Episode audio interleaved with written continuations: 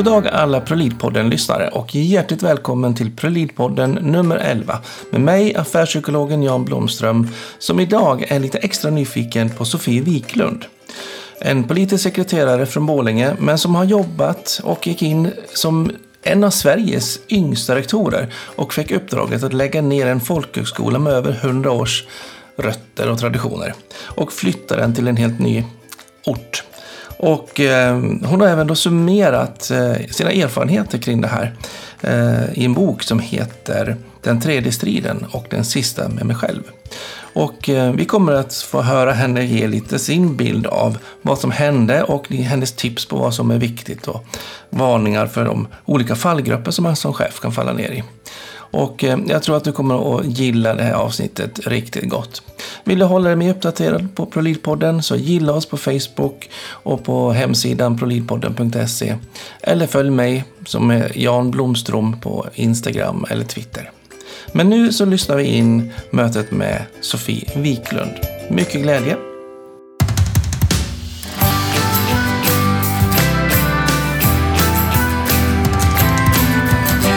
Okej, hjärtligt välkommen Sofie Wiklund. till Tack så mycket. Ja.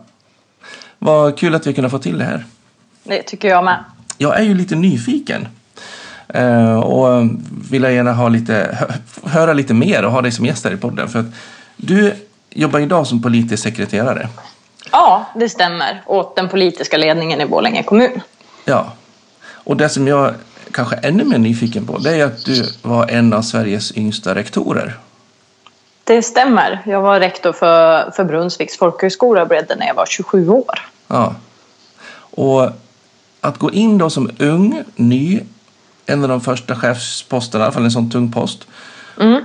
och möta en hel del utmaningar är ju någonting som jag kan tänka mig många av också lyssnarna har, eh, mycket, kan känna igen sig i. Liksom, vad vad är det man möter på då? Och eh, ditt uppdrag har jag förstått har varit ganska så tufft. Ja, det, det är helt riktigt. Eh, man kan väl säga så här att när jag var 27 år så jo- jobbade jag som... Jag började som lärare på Brunnsviks folkhögskola och sen så blev jag studierektor och sen så blev jag erbjuden jobbet som rektor så jag hade inte ens sökt det här jobbet. Mm. Och man kan säga att det som jag tog över var en personalstyrd verksamhet med, med miljoner i underskott. Och när jag hade varit ett år på det här jobbet så fattade styrelsen beslut om att flytta skolan som då legat på samma ställe i över hundra år från Ludvika till Borlänge. Mm. Och det här blev ju, vi vet ju allihopa tänkte jag säga, som någon gång har kommit i samröre med Brunnsvik, att Brunnsvik är helig utifrån, utifrån arbetarrörelsen. Den är väldigt förknippad med känslor. Det är många som har haft bra upplevelser och bra erfarenheter som ofta är förknippade med, med platsen också. Inte bara det de har upplevt där. För där har kan- skolan legat i typ 100 år? Ja, 106 år 106 när, vi, år, ja. när styrelsen fattade beslut om en flytt. Så att det här var ju startskottet från ett starkt motstånd både från studerande och från medarbetare och från medier och före detta elever kan man också säga och organisationer som var knutna till, till arbetarrörelsen. Ja. Och jag kan ju tänka mig att många känner igen sig i det här med att det är dels en, att en lång historia, så har vi alltid gjort. Man eh, tycker sig någonstans ha en tolkningsföreträde på att, att i och med att det har varit sån och jag har varit med på det kanske och jobbat där eller gått där och så, så, så, så någonstans så tycker man att man har tolkningsföreträde på det och borde vara även framåt. Ja, och det, det, det, det var precis så det var. För att Brunnsvik var ju från början, det var mycket fackliga kurser där. När jag tog över som studierektor, och då fanns det ingen rektor på plats ska tilläggas, Ja. så hade vi kulturutbildningar, det var musik, det var konst, det var skrivande. Ambitionen och den inriktningen som styrelsen också hade fattat beslut om var Ja. att bygga ett, ett kulturcentrum Mm. som var knutet till som var knutet till platsen. För att då skulle man kunna inspireras av, av omgivningen. Ja. Jag fick i uppdrag av styrelsen att i samband med flytten ta fram ett helt annat uppdrag. Som då handlade om att det skulle vara, det blev en ny strategisk inriktning.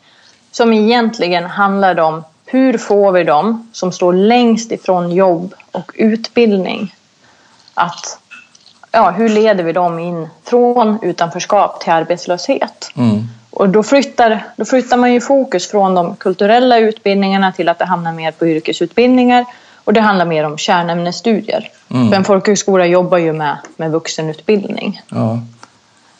Och jag tänker, många arbetsplatser så har man ju hamnat i ett läge där man har kunnat jobba på ett sätt tidigare. Mm. Och sen så plötsligt så har marknaden förändrat sig eller man, liksom, olika saker gör att, att det man har haft tidigare inte alls är funktionellt längre. Utan ja. man måste verkligen göra den här stora förskjutningen. Som du pratar om att du fick ett uppdrag att göra en egentligen stor rokad i strategin.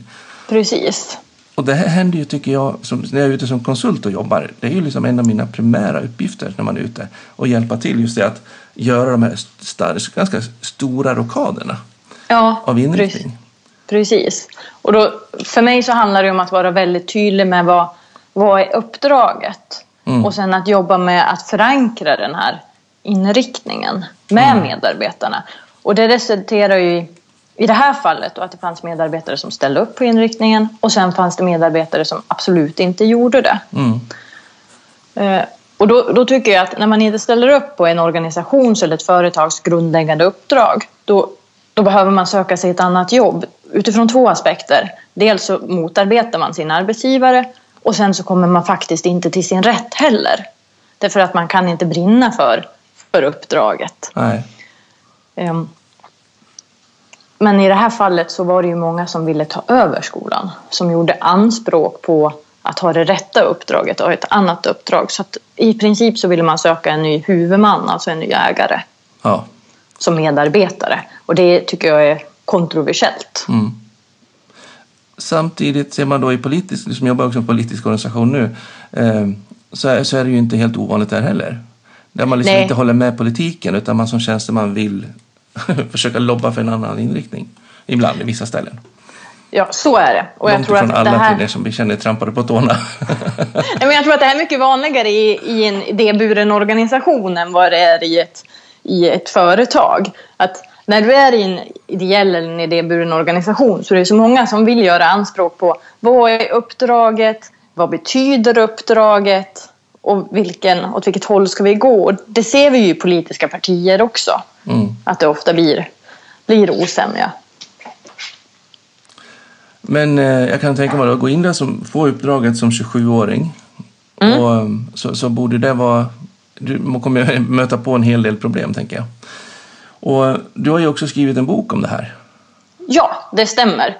Eh, för det här var ju en tuff tid. Så att jag under tiden så gick jag en rektorsutbildning i Uppsala universitet och vi fick i uppdrag att skriva en, i princip då, skriva en uppsats och följa vårt utvecklingsarbete. Mm. Och då, då sa de åt mig att det här är skitbra. Du måste skriva, skriv en bok. Mm. Och då tänkte jag att nej, det vill jag inte göra för jag var utsatt av ett stort mediedrev. Mm. Jag, vaknade med, jag vaknade med en oro för tidningen som kom in i, genom brevinkastet varje dag i nio månaders tid. Så vad, vad står det idag liksom? Ja, det var, det var den första huvudverken och det var ju aldrig till ledningens fördel utan det var ju alltid till elevernas eller till medarbetarnas fördel. Mm. Nej, men jag skrev den tredje striden och den, och den sista med mig själv. Och där sammanfattar jag egentligen mina, mina erfarenheter mm. Av att vara ledare i en, i en förändringsprocess som, och i en organisation som egentligen saknade alla förutsättningar för ett gott ledarskap. Och vad gör man i en sån situation? Mm. Eh, och sen, var, varför har du valt den titeln? Dels för att det handlar om att jag har varit med om två tuffa saker tidigare, tidigare i livet. Och på något sätt så var det här en erfarenhet där jag gjorde upp med allt mitt eget bagage okay. och kunde titta, titta bakåt. Vad har jag lärt mig av det här? Och det, det gjorde mig starkare som person. Så det är den aspekten, som den tredje striden som du, du går igenom? Ja, precis. Ja. Så, så det är en personlig titel, men det är en, det är en ledarskapsbok. Och jag har egentligen sammanfattat mina erfarenheter i 13 fällor eh, för, ja, som man ska undvika. 13 fällor som man ska undvika för ett gott ledarskap. Ja. Är det någonting som man är extra påtagligt, tänker du, när man kommer in som ny och kanske som kvinna, ung kvinna i sånt här uppdrag? Eller är det ett allmänt eh, fällotips liksom, kring, kring hur man eh, hamnar in i omöjliga uppdrag? Eh, det är det sistnämnda. Och jag har alltid som person själv haft väldigt svårt för det här att just se mig själv som kvinna och ung. Men det är andra som har velat tillskriva mig de här egenskaperna och göra dem till mina primära egenskaper. Anledningen till att jag skrev boken är egentligen två. Dels för att bearbeta den här upplevelsen som var tuff. Mm. Men också för att när jag var på ledarskapsutbildningar eller när jag pratade med andra ledare så tyckte jag ofta att fokus var på hur ska en ledare våga fatta tuffa beslut? Hur ska en ledare våga, våga kliva ur sin komfortzon och göra det som är obekvämt men som är för verksamhetens bästa? Mm. Och det där fanns det nästan inga svar på. Så jag ville, jag ville skriva en bok för ledare som vågar fatta tuffa beslut. Mm. Och skriva för dem och berätta om vad kan det få för konsekvenser och hur ska man hantera dem. Och också dela med av de bra saker jag gjorde men också de misstag som jag, som jag gjorde. Mm. Och vad, visa vad har jag lärt mig av det. Ja, just det. Och um, vilka tips skulle du vilja, eller farhågor, fällor, skulle du vilja liksom lyfta fram som nu som de, de viktigaste? Eh, ja, det allra första som jag tror också är vanligast och som man känner igen oavsett om man är en ledare som har fattat tuffa beslut eller om man inte är det, det är det här som jag kallar för lyckofällan. Du är så glad över ditt uppdrag. Men ja. vad är det egentligen du tackar ja till? Och vad innebär den för vad innebär den för dig som person och för dig som chef och ledare? Mm. Och jag själv vet ju att jag tackade ju ja till ett, till ett studierektorsuppdrag egentligen som handlade om att leda ett kulturcentrum med konst och skrivande och musik. Och jag skulle ha personalansvar för pedagogiska frågor. Mm. Och jag skulle... Eh, men sen så blev det ju, det övergick ju till att bli en rektorstjänst. Som egentligen i sin tur också innebar att jag fick delar av, av styrelsens uppdrag på mitt bord. Mm. Och som jag egentligen också tog för att jag saknade tillit till, till min ledning och till min styrelse. Mm. Så jag tog på mig mer och mer ansvar som egentligen inte var mitt och jag fick mer och mer ansvar genom att jag gjorde det. Så jag fick ett större uppdrag än vad jag skulle ha. La de på för mycket ansvar på dig som inte hade den, så, som du säger idag, liksom? Blir att man... Nej, alltså utifrån, om man tittar rent utmaningsmässigt så var mm. ju det här jag behövde för att kunna tro på verksamheten, för att utvecklas och sätta upp nya mål. Mm. Så att man kan ge mig väldigt mycket. Men problemet är att jag tog ansvaret åt andra. Mm. Som till exempel att jag blev talesperson i medierna. Mm. Det ska ju inte ligga på en rektor utan det ska ju alltid ligga på den som då är antingen VD eller den som är styrelseordförande. Mm. Men där litade inte jag på min, på min styrelse eller på min verkställande tjänsteman som det kallas i det här fallet, alltså motsvarande VD. Så jag tog glatt på mig den här uppgiften. Ja. Och det gjorde ju också att egentligen för verksamhetens bästa så skulle jag bara ha fokuserat på att bygga upp en ny verksamhet i Bålänge med, nya, eh, med ny personal och nya samarbetspartner och nya elever. Det gjorde jag också. Mm, men jag men hade... allt annat också? Ja. Och det är då i ett jobb som du egentligen inte sa ja till?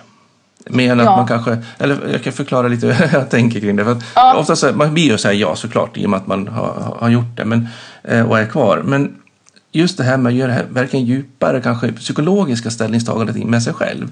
Vad mm. ingår jag för, med kontrakt? Som du sa, men vad får det här för konsekvenser för mig som person? Eh, är det det här jag vill? Drivs jag av det här? Vilka, vilka prislappar betalar jag för att, för att gå in i det här uppdraget? Ja. Och jag ser ju liksom hos många av dem jag träffar är att man, man faktiskt tackar ja till eh, bättre bonus, bättre bil, bättre, bättre status i samhället ja. eller vad det nu kan vara. Och man, hinner inte, man glömmer liksom av att göra uppdraget med sig själv. Ja. Och då hamnar man lätt i de där situationerna, tänker jag. Precis. Och sen också det här med, med när man som enskild medarbetare vill mycket och tar på mm. sig kanske då mer, så har man ju också en, någon typ av en ägarled som, som lägger ut mer på nyckelpersoner som inte är de formella. Ja, alltså att precis. man får uppgifter som man inte har riktigt mandat till i strukturen. Ja, det, det som jag fick var ju egentligen att jag fick ett tydligt Ibland fick jag ett tydligt mandat. Och ibland begärde jag ett tydligt mandat. Och ibland så fick jag det inte alls. Nej. Eh, men om man tittar på vad själva uppdraget rent konkret blev så kom det ju handla om att jag skulle avveckla en skola. Och jag skulle, var, blev huvudansvarig för, för en filial för, för tre av ägarnas skolor. Jag skulle mm. ta fram en helt ny strategisk inriktning och den klubbade styrelsen utan, utan kommentarer egentligen. Mm. Sen skulle jag implementera den här verksamhetsinriktningen. Jag skulle bygga en ny verksamhet i Borlänge, anställa nya, nya medarbetare, implementera uppdraget, se till att det fanns ett underlag. Jag blev talesperson i medierna. Eh, Jag var med och förhandlade. Jag startade själv på eget initiativ en ledningsgrupp för tre av folkhögskolorna Mm. Istället för att bara ha det för, för en. Och jag ingick i ägarens chefsgrupp och jag var föredragande i våran styrelse och jag var föredragande i ägarnas styrelse. Och om du då tänker att det kommer in, om det är någon som lyssnar nu som har motsvarande situation eller precis på väg att säga ja, vad, vad bör de tänka på då för att inte, inte bara hamna mitt i lyckofälleruset här? Eh, Det man bör tänka på det är ju att vara väldigt tydlig i sina frågeställningar från, från början. Mm. Alltså vad, vad är egentligen uppdraget? Ja. Och vilka förutsättningar får du som ledare att genomföra ditt uppdrag? Alltså det handlar om ansvar och delegation och mandat och rätten att fatta beslut. Eller mandat att fatta beslut. Mm. Eh, Finns det delar av uppdraget som du inte förstår när du får det presenterat? Mm.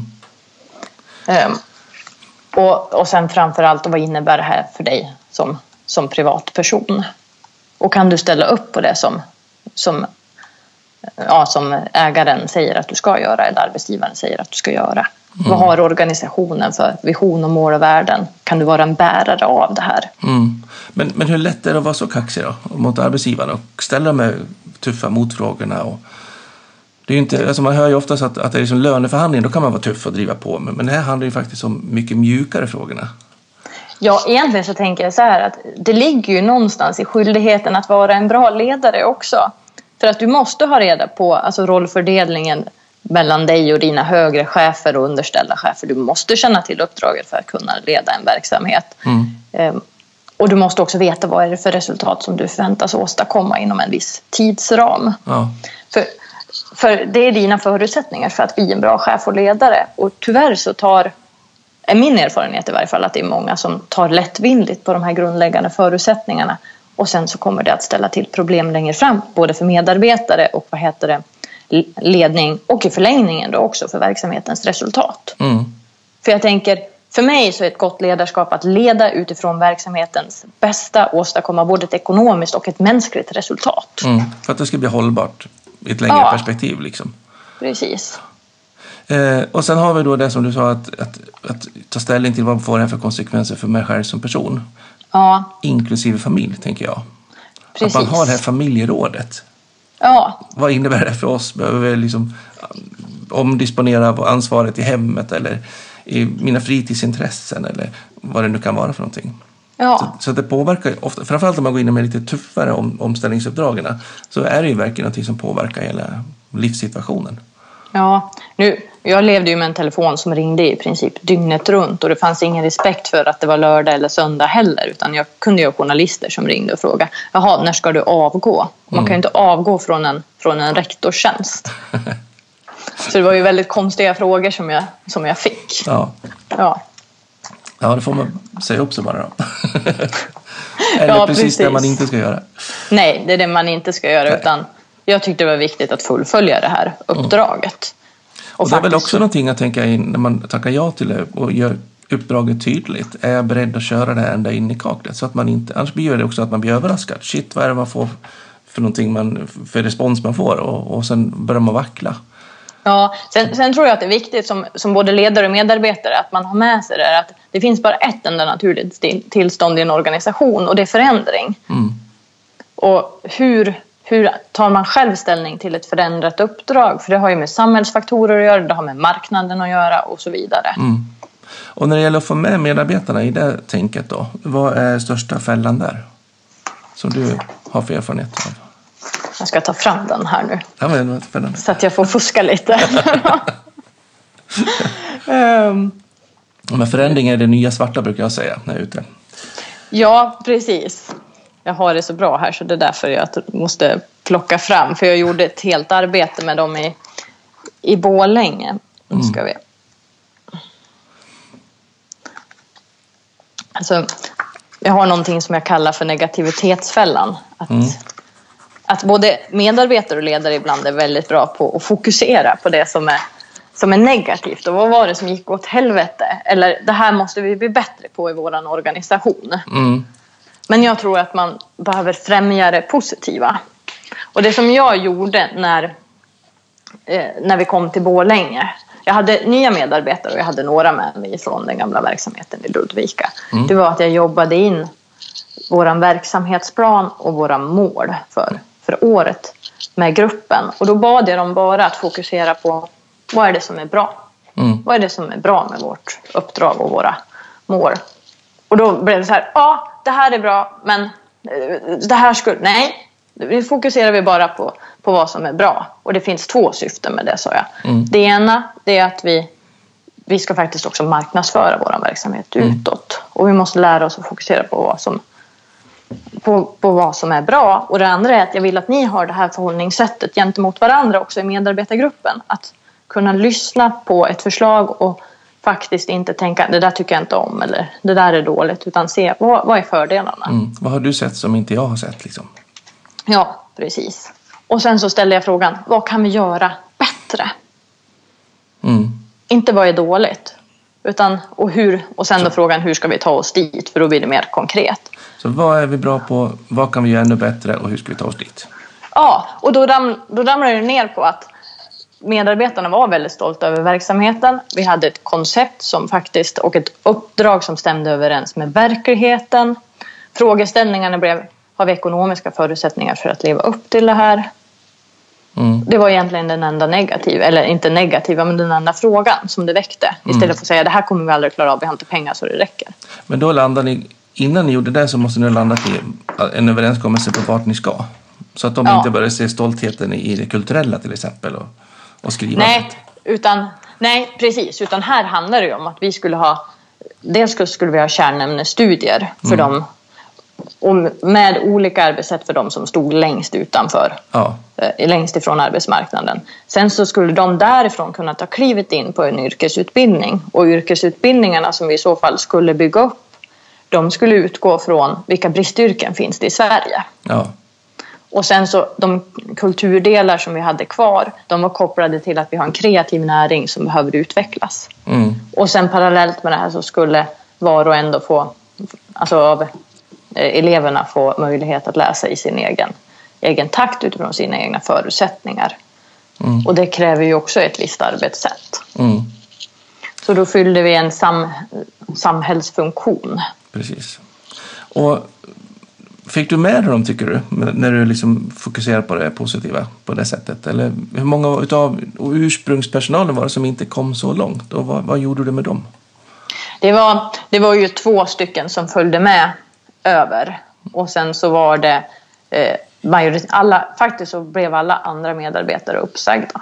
Okej, för de, de, de, Utifrån att deras utbildningar skulle läggas ner. Vi Ja. skulle fokusera på andra saker. Just det. Så då blir det en avveckling på det. Och Ja. sen uppstart med egentligen helt nya förutsättningar på det nya. Ja, precis. Mm. Det blev det. Mm. Utmaning även där, tänker jag, att faktiskt packa ihop och avsluta människors försörjning och, och liksom hela sin identitet och sina intressen på en ställe. Ja, och det måste man ha väldigt stor respekt för som, som ledare. Mm. Att ibland så är jobbet så förknippat med, med vem du är som person. Mm. Så du tar egentligen inte... Man brukar säga så här lite, det, jag vet inte, kommer inte ihåg vem det är som säger det, men bakom varje motstånd så finns en krossad dröm. Mm. Och jag tror att det var många som var kopplade till Brunnsvik som hade drömt om att kanske bli långsiktigt författare eller bli musiker eller att man brann för att hjälpa andra. Mm. Och sen tror jag också att det som ledare är viktigt att komma ihåg att även nu om vi inte plockade med stora delar av personalen och de inte hade kommit till sin rätt i, i Borlänge Mm. eh, så tror jag att de här skulle bli väldigt bra medarbetare i andra organisationer eller på andra företag. Mm. Där de får rätt förutsättningar för att åstadkomma det de tror på. Mm. Och det tror jag är väldigt viktigt. Att varje medarbetare, varje ledare tar ställning till. Ställer jag upp på den här verksamheten, tror jag på den? Och Mm. är jag beredd att kliva av den dag jag inte längre kan stå för det här? Mm. Jag brukar ha, tänka liksom i för termerna av win-win. Vinner arbetsgivaren på att ha mig anställd, vinner jag på att vara anställd, ja men då Ja. jobbar vi ihop. precis. Och vinner jag inte någonting på det, för jag har inte kommit till mig rätt, ja men då kliver jag av. Eller vinner Ja. inte arbetsgivaren på att ha mina tjänster och min kompetensprofil, ja men då, då, då hjälper min arbetsgivare mig att kliva av. Precis. Så att vi, idag kan vi ju inte riktigt jobba på ett ställe där vi inte riktigt bägge vinner på det. Nej, Vi har inte exakt. råd med det, varken arbetsgivarsidan eller medarbetarsidan. Nej, jag håller med. Mm. Men det där är ju också någonting som är, är mycket känsligt rent fackligt, tänker jag. Alltså vi har våra rättigheter och vi ska liksom inte bli av med ditten och datten och allt det nu kan vara. Mm. Eh, och jag tänker mig också i ledarskapet så, så, så är det inte alltid vi ser människor som, som, som, som, som människor. Mm. Jag, jag hade Edna Eriksson här som gäst eh, på förra, tidigare avsnitt. Eh, och hon pratade om att vi människor är ett verb. Att vi, vi är ingenting vi, vi, vi är utan vi är ett varande, görande. Ja. Och, och någonstans så är vi ju liksom en färskvara och vi är där vi är just nu. Mm. Och att vi behöver se varandra som ett samarbete, ha en dialog och möte på hur kan vi växa och fungera bra tillsammans. Precis. Och, och tror vi på det här, vill vi åt samma håll, vi, har vi samma liksom drivkraft kring det. Och där är ju en jätteutmaning att faktiskt, som vi säger, vara ödmjuk som ledare, att förstå den här krossade drömmen bakom motståndet. För många har ju motstånd och rädda. Men det här händer ju nästan aldrig om att de vill motarbeta. Utan det fyller ju ett behov hos personen att ha ett motstånd. Ja, och sen tror jag. jag att, jag tror att tydlighet liksom är väldigt viktigt. Alltså tydlighet med uppdraget, tydlighet med förväntningar. Men också det här att kunna fånga upp en dialog kring, ja, men nu, blev, nu gick det här faktiskt inte så, så Mm. bra den här gången. Men att plocka in medarbetarna då och ha ett samtal kring det istället för att gå in och döma att det här gick åt, det här Ja. gick åt helvete. Ja. Vad, vad håller du på med? Ja. Utan att ta ett samtal och sen ställa frågan vad kan du lära av det här? Ja, och hur kan vi stötta, hjälpas åt tillsammans? Ja, precis. Sen är det en annan sak om det blir så att det är samma misstag som upprepas fyra eller fem gånger. Mm. Och sen så skriver ju, det är delar av det som jag plockar upp i boken. Att ibland så får, det är också en av fällorna, att du är rädd för att leda.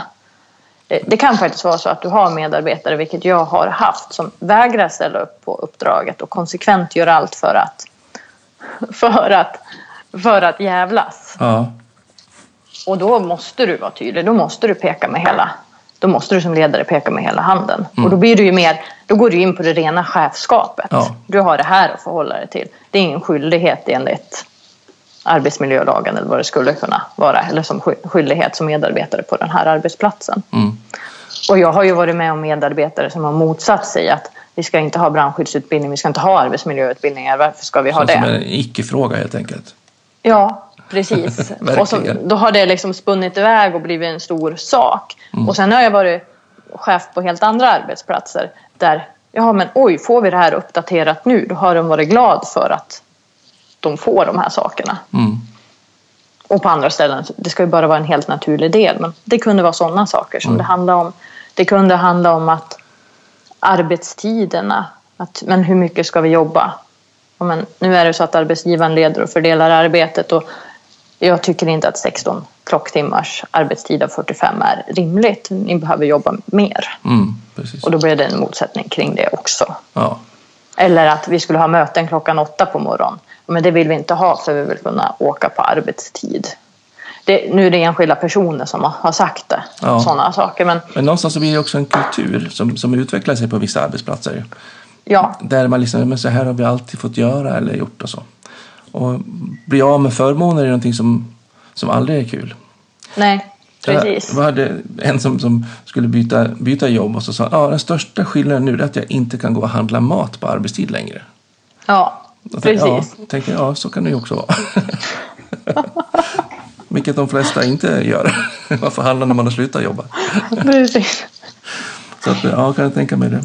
Men du, ehm, allt de här bitarna är ju jättespännande och så. Men, men jag tänker ju också att du då som chef, eller när man som chef sitter i den här situationen, fattar de här tuffa besluten, gör Mm. omställningarna, liksom, hur gör, och, och hur, och hur, hur liksom att skapa sig utrymmet att reflektera, kanske för en chefstöd, bra dialog med styrelseordförande eller något sånt där, för att förstå vad som händer. Vad, vad är det där står, ligger bakom alla de olika beteendena? Mm. De, de delarna borde ju vara helt centrala kring det. Och då blir min fråga till dig. Hur gjorde du för att må bra mitt i det här? När du var där som chef, hur, hur pysslade du om dig själv? Så att inte du tog för mycket stryk. Alltså jag ska väl säga att jag tog ganska mycket stryk, men grunden för mig för att klara av det här var först och främst att jag hade mycket folk runt omkring mig. Mm. Eh, Jag hade min syster, jag hade mina föräldrar, jag hade min mormor och morfar till exempel. Och sen så hade jag också en mentor som jag fick efter mycket om och men. Mm. Eh, Så, så en extern, det var en extern konsult som fick gå in helt enkelt och, och se över varför det blivit så stora konflikter. För jag, på, jag påtalade min situation för min chef hela Mm. tiden. att Jag vill inte ha det så här. Jag ska inte kunna känna att jag håller på att svimma när jag åker till jobbet. Jag ska inte behöva eh, bli rent ut sagt motarbetad. Vad gör ni? Vad är ert ansvar? Ja. Så du var tydlig där. Jag var jättetydlig, men de tog det inte på allvar. Utan jag fick en tre, fyra möten som de började prata om andra saker. Jag försökte styra tillbaka till min chef styrde det åt ett annat håll. Ja. Ehm, Men sen kom det in en konsult och konsultens slutsats var att jag utifrån de förutsättningar... Dels hade jag inte haft rätt förutsättningar när jag klev in i organisationen för, att, för, för ett gott ledarskap. Men utifrån verksamhetens bästa utifrån, så hade jag agerat helt rätt utifrån min chefs och ledarroll. Mm. Och med, alltså, så det var, det var vad hon kom fram till. Och sen fick jag henne som mentor för att få någon att, att bolla med och, och prata med. Så att Ja. det kändes skönt. Dels att jag fick stöd i att jag hade agerat Ja, precis som jag skulle utifrån mitt, ja, utifrån mitt uppdrag. Men hon sa också att jag hade ett mycket större ansvar än Mm. vad en rektor har. Ja. Eh, En, en central del är ju, tänker jag till, till alla som lyssnar också, att verkligen, är man inte nöjd med som förutsättning man har, var supertydlig. Ja, Och jag brukar säga att man kanske inte alltid kan bestämma vilken stöd man ska ha eller vilka förändringar de gör. För att ibland lyssnar de inte som, som du berättar om. Eh, Men då har man åtminstone varit hemskt tydlig för sin egen del. Och rent psykologiskt Ja. sett så är det jätteviktigt hur man själv har agerat. Och det finns en del forskning på också. Har man liksom försökt att påverka, även om det inte ger någon effekt, så, så har man en helt annan rustning att liksom gå vidare i ett bättre mående. Eh, och sen att man försöker ett antal gånger, men sen inte i, i det oändliga. Utan får man ingen respons, kliv av. För att Ja. Vi, vi, har inte råd att betala det priset själv som enskilda individer. För man, man åker på dyngstryk. Om man inte Precis. blir lyssnad på till slut. Så några gånger, jättetydligt. Får man respons till slut, då är det bra. Får man ingen respons, kliv av. för mig var det ju grundläggande i det här att jag hade tron på uppdraget. Mm. Jag trodde verkligen på att vi skulle kunna ha en möjlighet att göra skillnad för, för enskilda individer och för samhället. Mm. Eh, Sen så hände det ju saker i, längre fram i den här processen. När jag hade flyttat över verksamheten till, till Borlänge och den började komma på fötter så hände det ju saker i, i huvudmannens, alltså ägarnas organisation som gjorde att jag kände att nej, herregud, det här kan inte jag ställa upp längre på. Nej. Utan, och då tappade jag tron på uppdraget och då var det också att kliva av. Mm. Och så parallellt med det hade jag fått ett annat erbjudande. Mm. Så då var det att tacka ja till det. Och det ser man ju också många gånger att man som ägare faktiskt, när de väl har landat i det nya, ja men då har de också gjort en process. Och sen Ja. det något annat som, som gäller. Så att man har ganska korta kontrakt. Ja, I alla fall de här mentala som, som tror vi på det här och, och händer det någonting. Ja, exakt. Otroligt vilken resa. Mm. Eh, och du kom därifrån med massa erfarenheter. Som Ja. psykolog förstår jag att du bearbetar det med, genom att skriva boken, så det tycker jag är gött. Och vi andra får ju ta del av dina slutsatser också, och det tycker jag är ännu bättre. Mm. Så att, eh, otroligt spännande.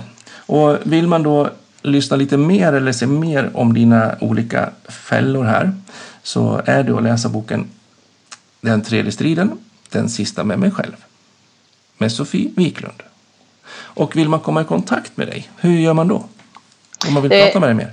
Då kan man, då kan man mejla mig Ja. på sofiewiklund82gmail.com och, Eller så kan man söka på mig på, på Facebook eller på nätet så kommer man att hitta mig. Vad spännande. Yes. Och eh, vill man lyssna mer eller ha koll på mer på ProLead-podden så kan man följa oss på Facebook eller på hemsidan proleadpodden.se eh, eller följa mig på, som, på, på Instagram och på Twitter så heter jag Jan Blomström där. Så med det så tackar jag så jättemycket för att vi har fått ta del av eh, dina erfarenheter och tankar, Sofie. Tack! för att jag fick vara med. Ja, och på återhörande till alla lyssnare nästa avsnitt. Tusen tack. Hej!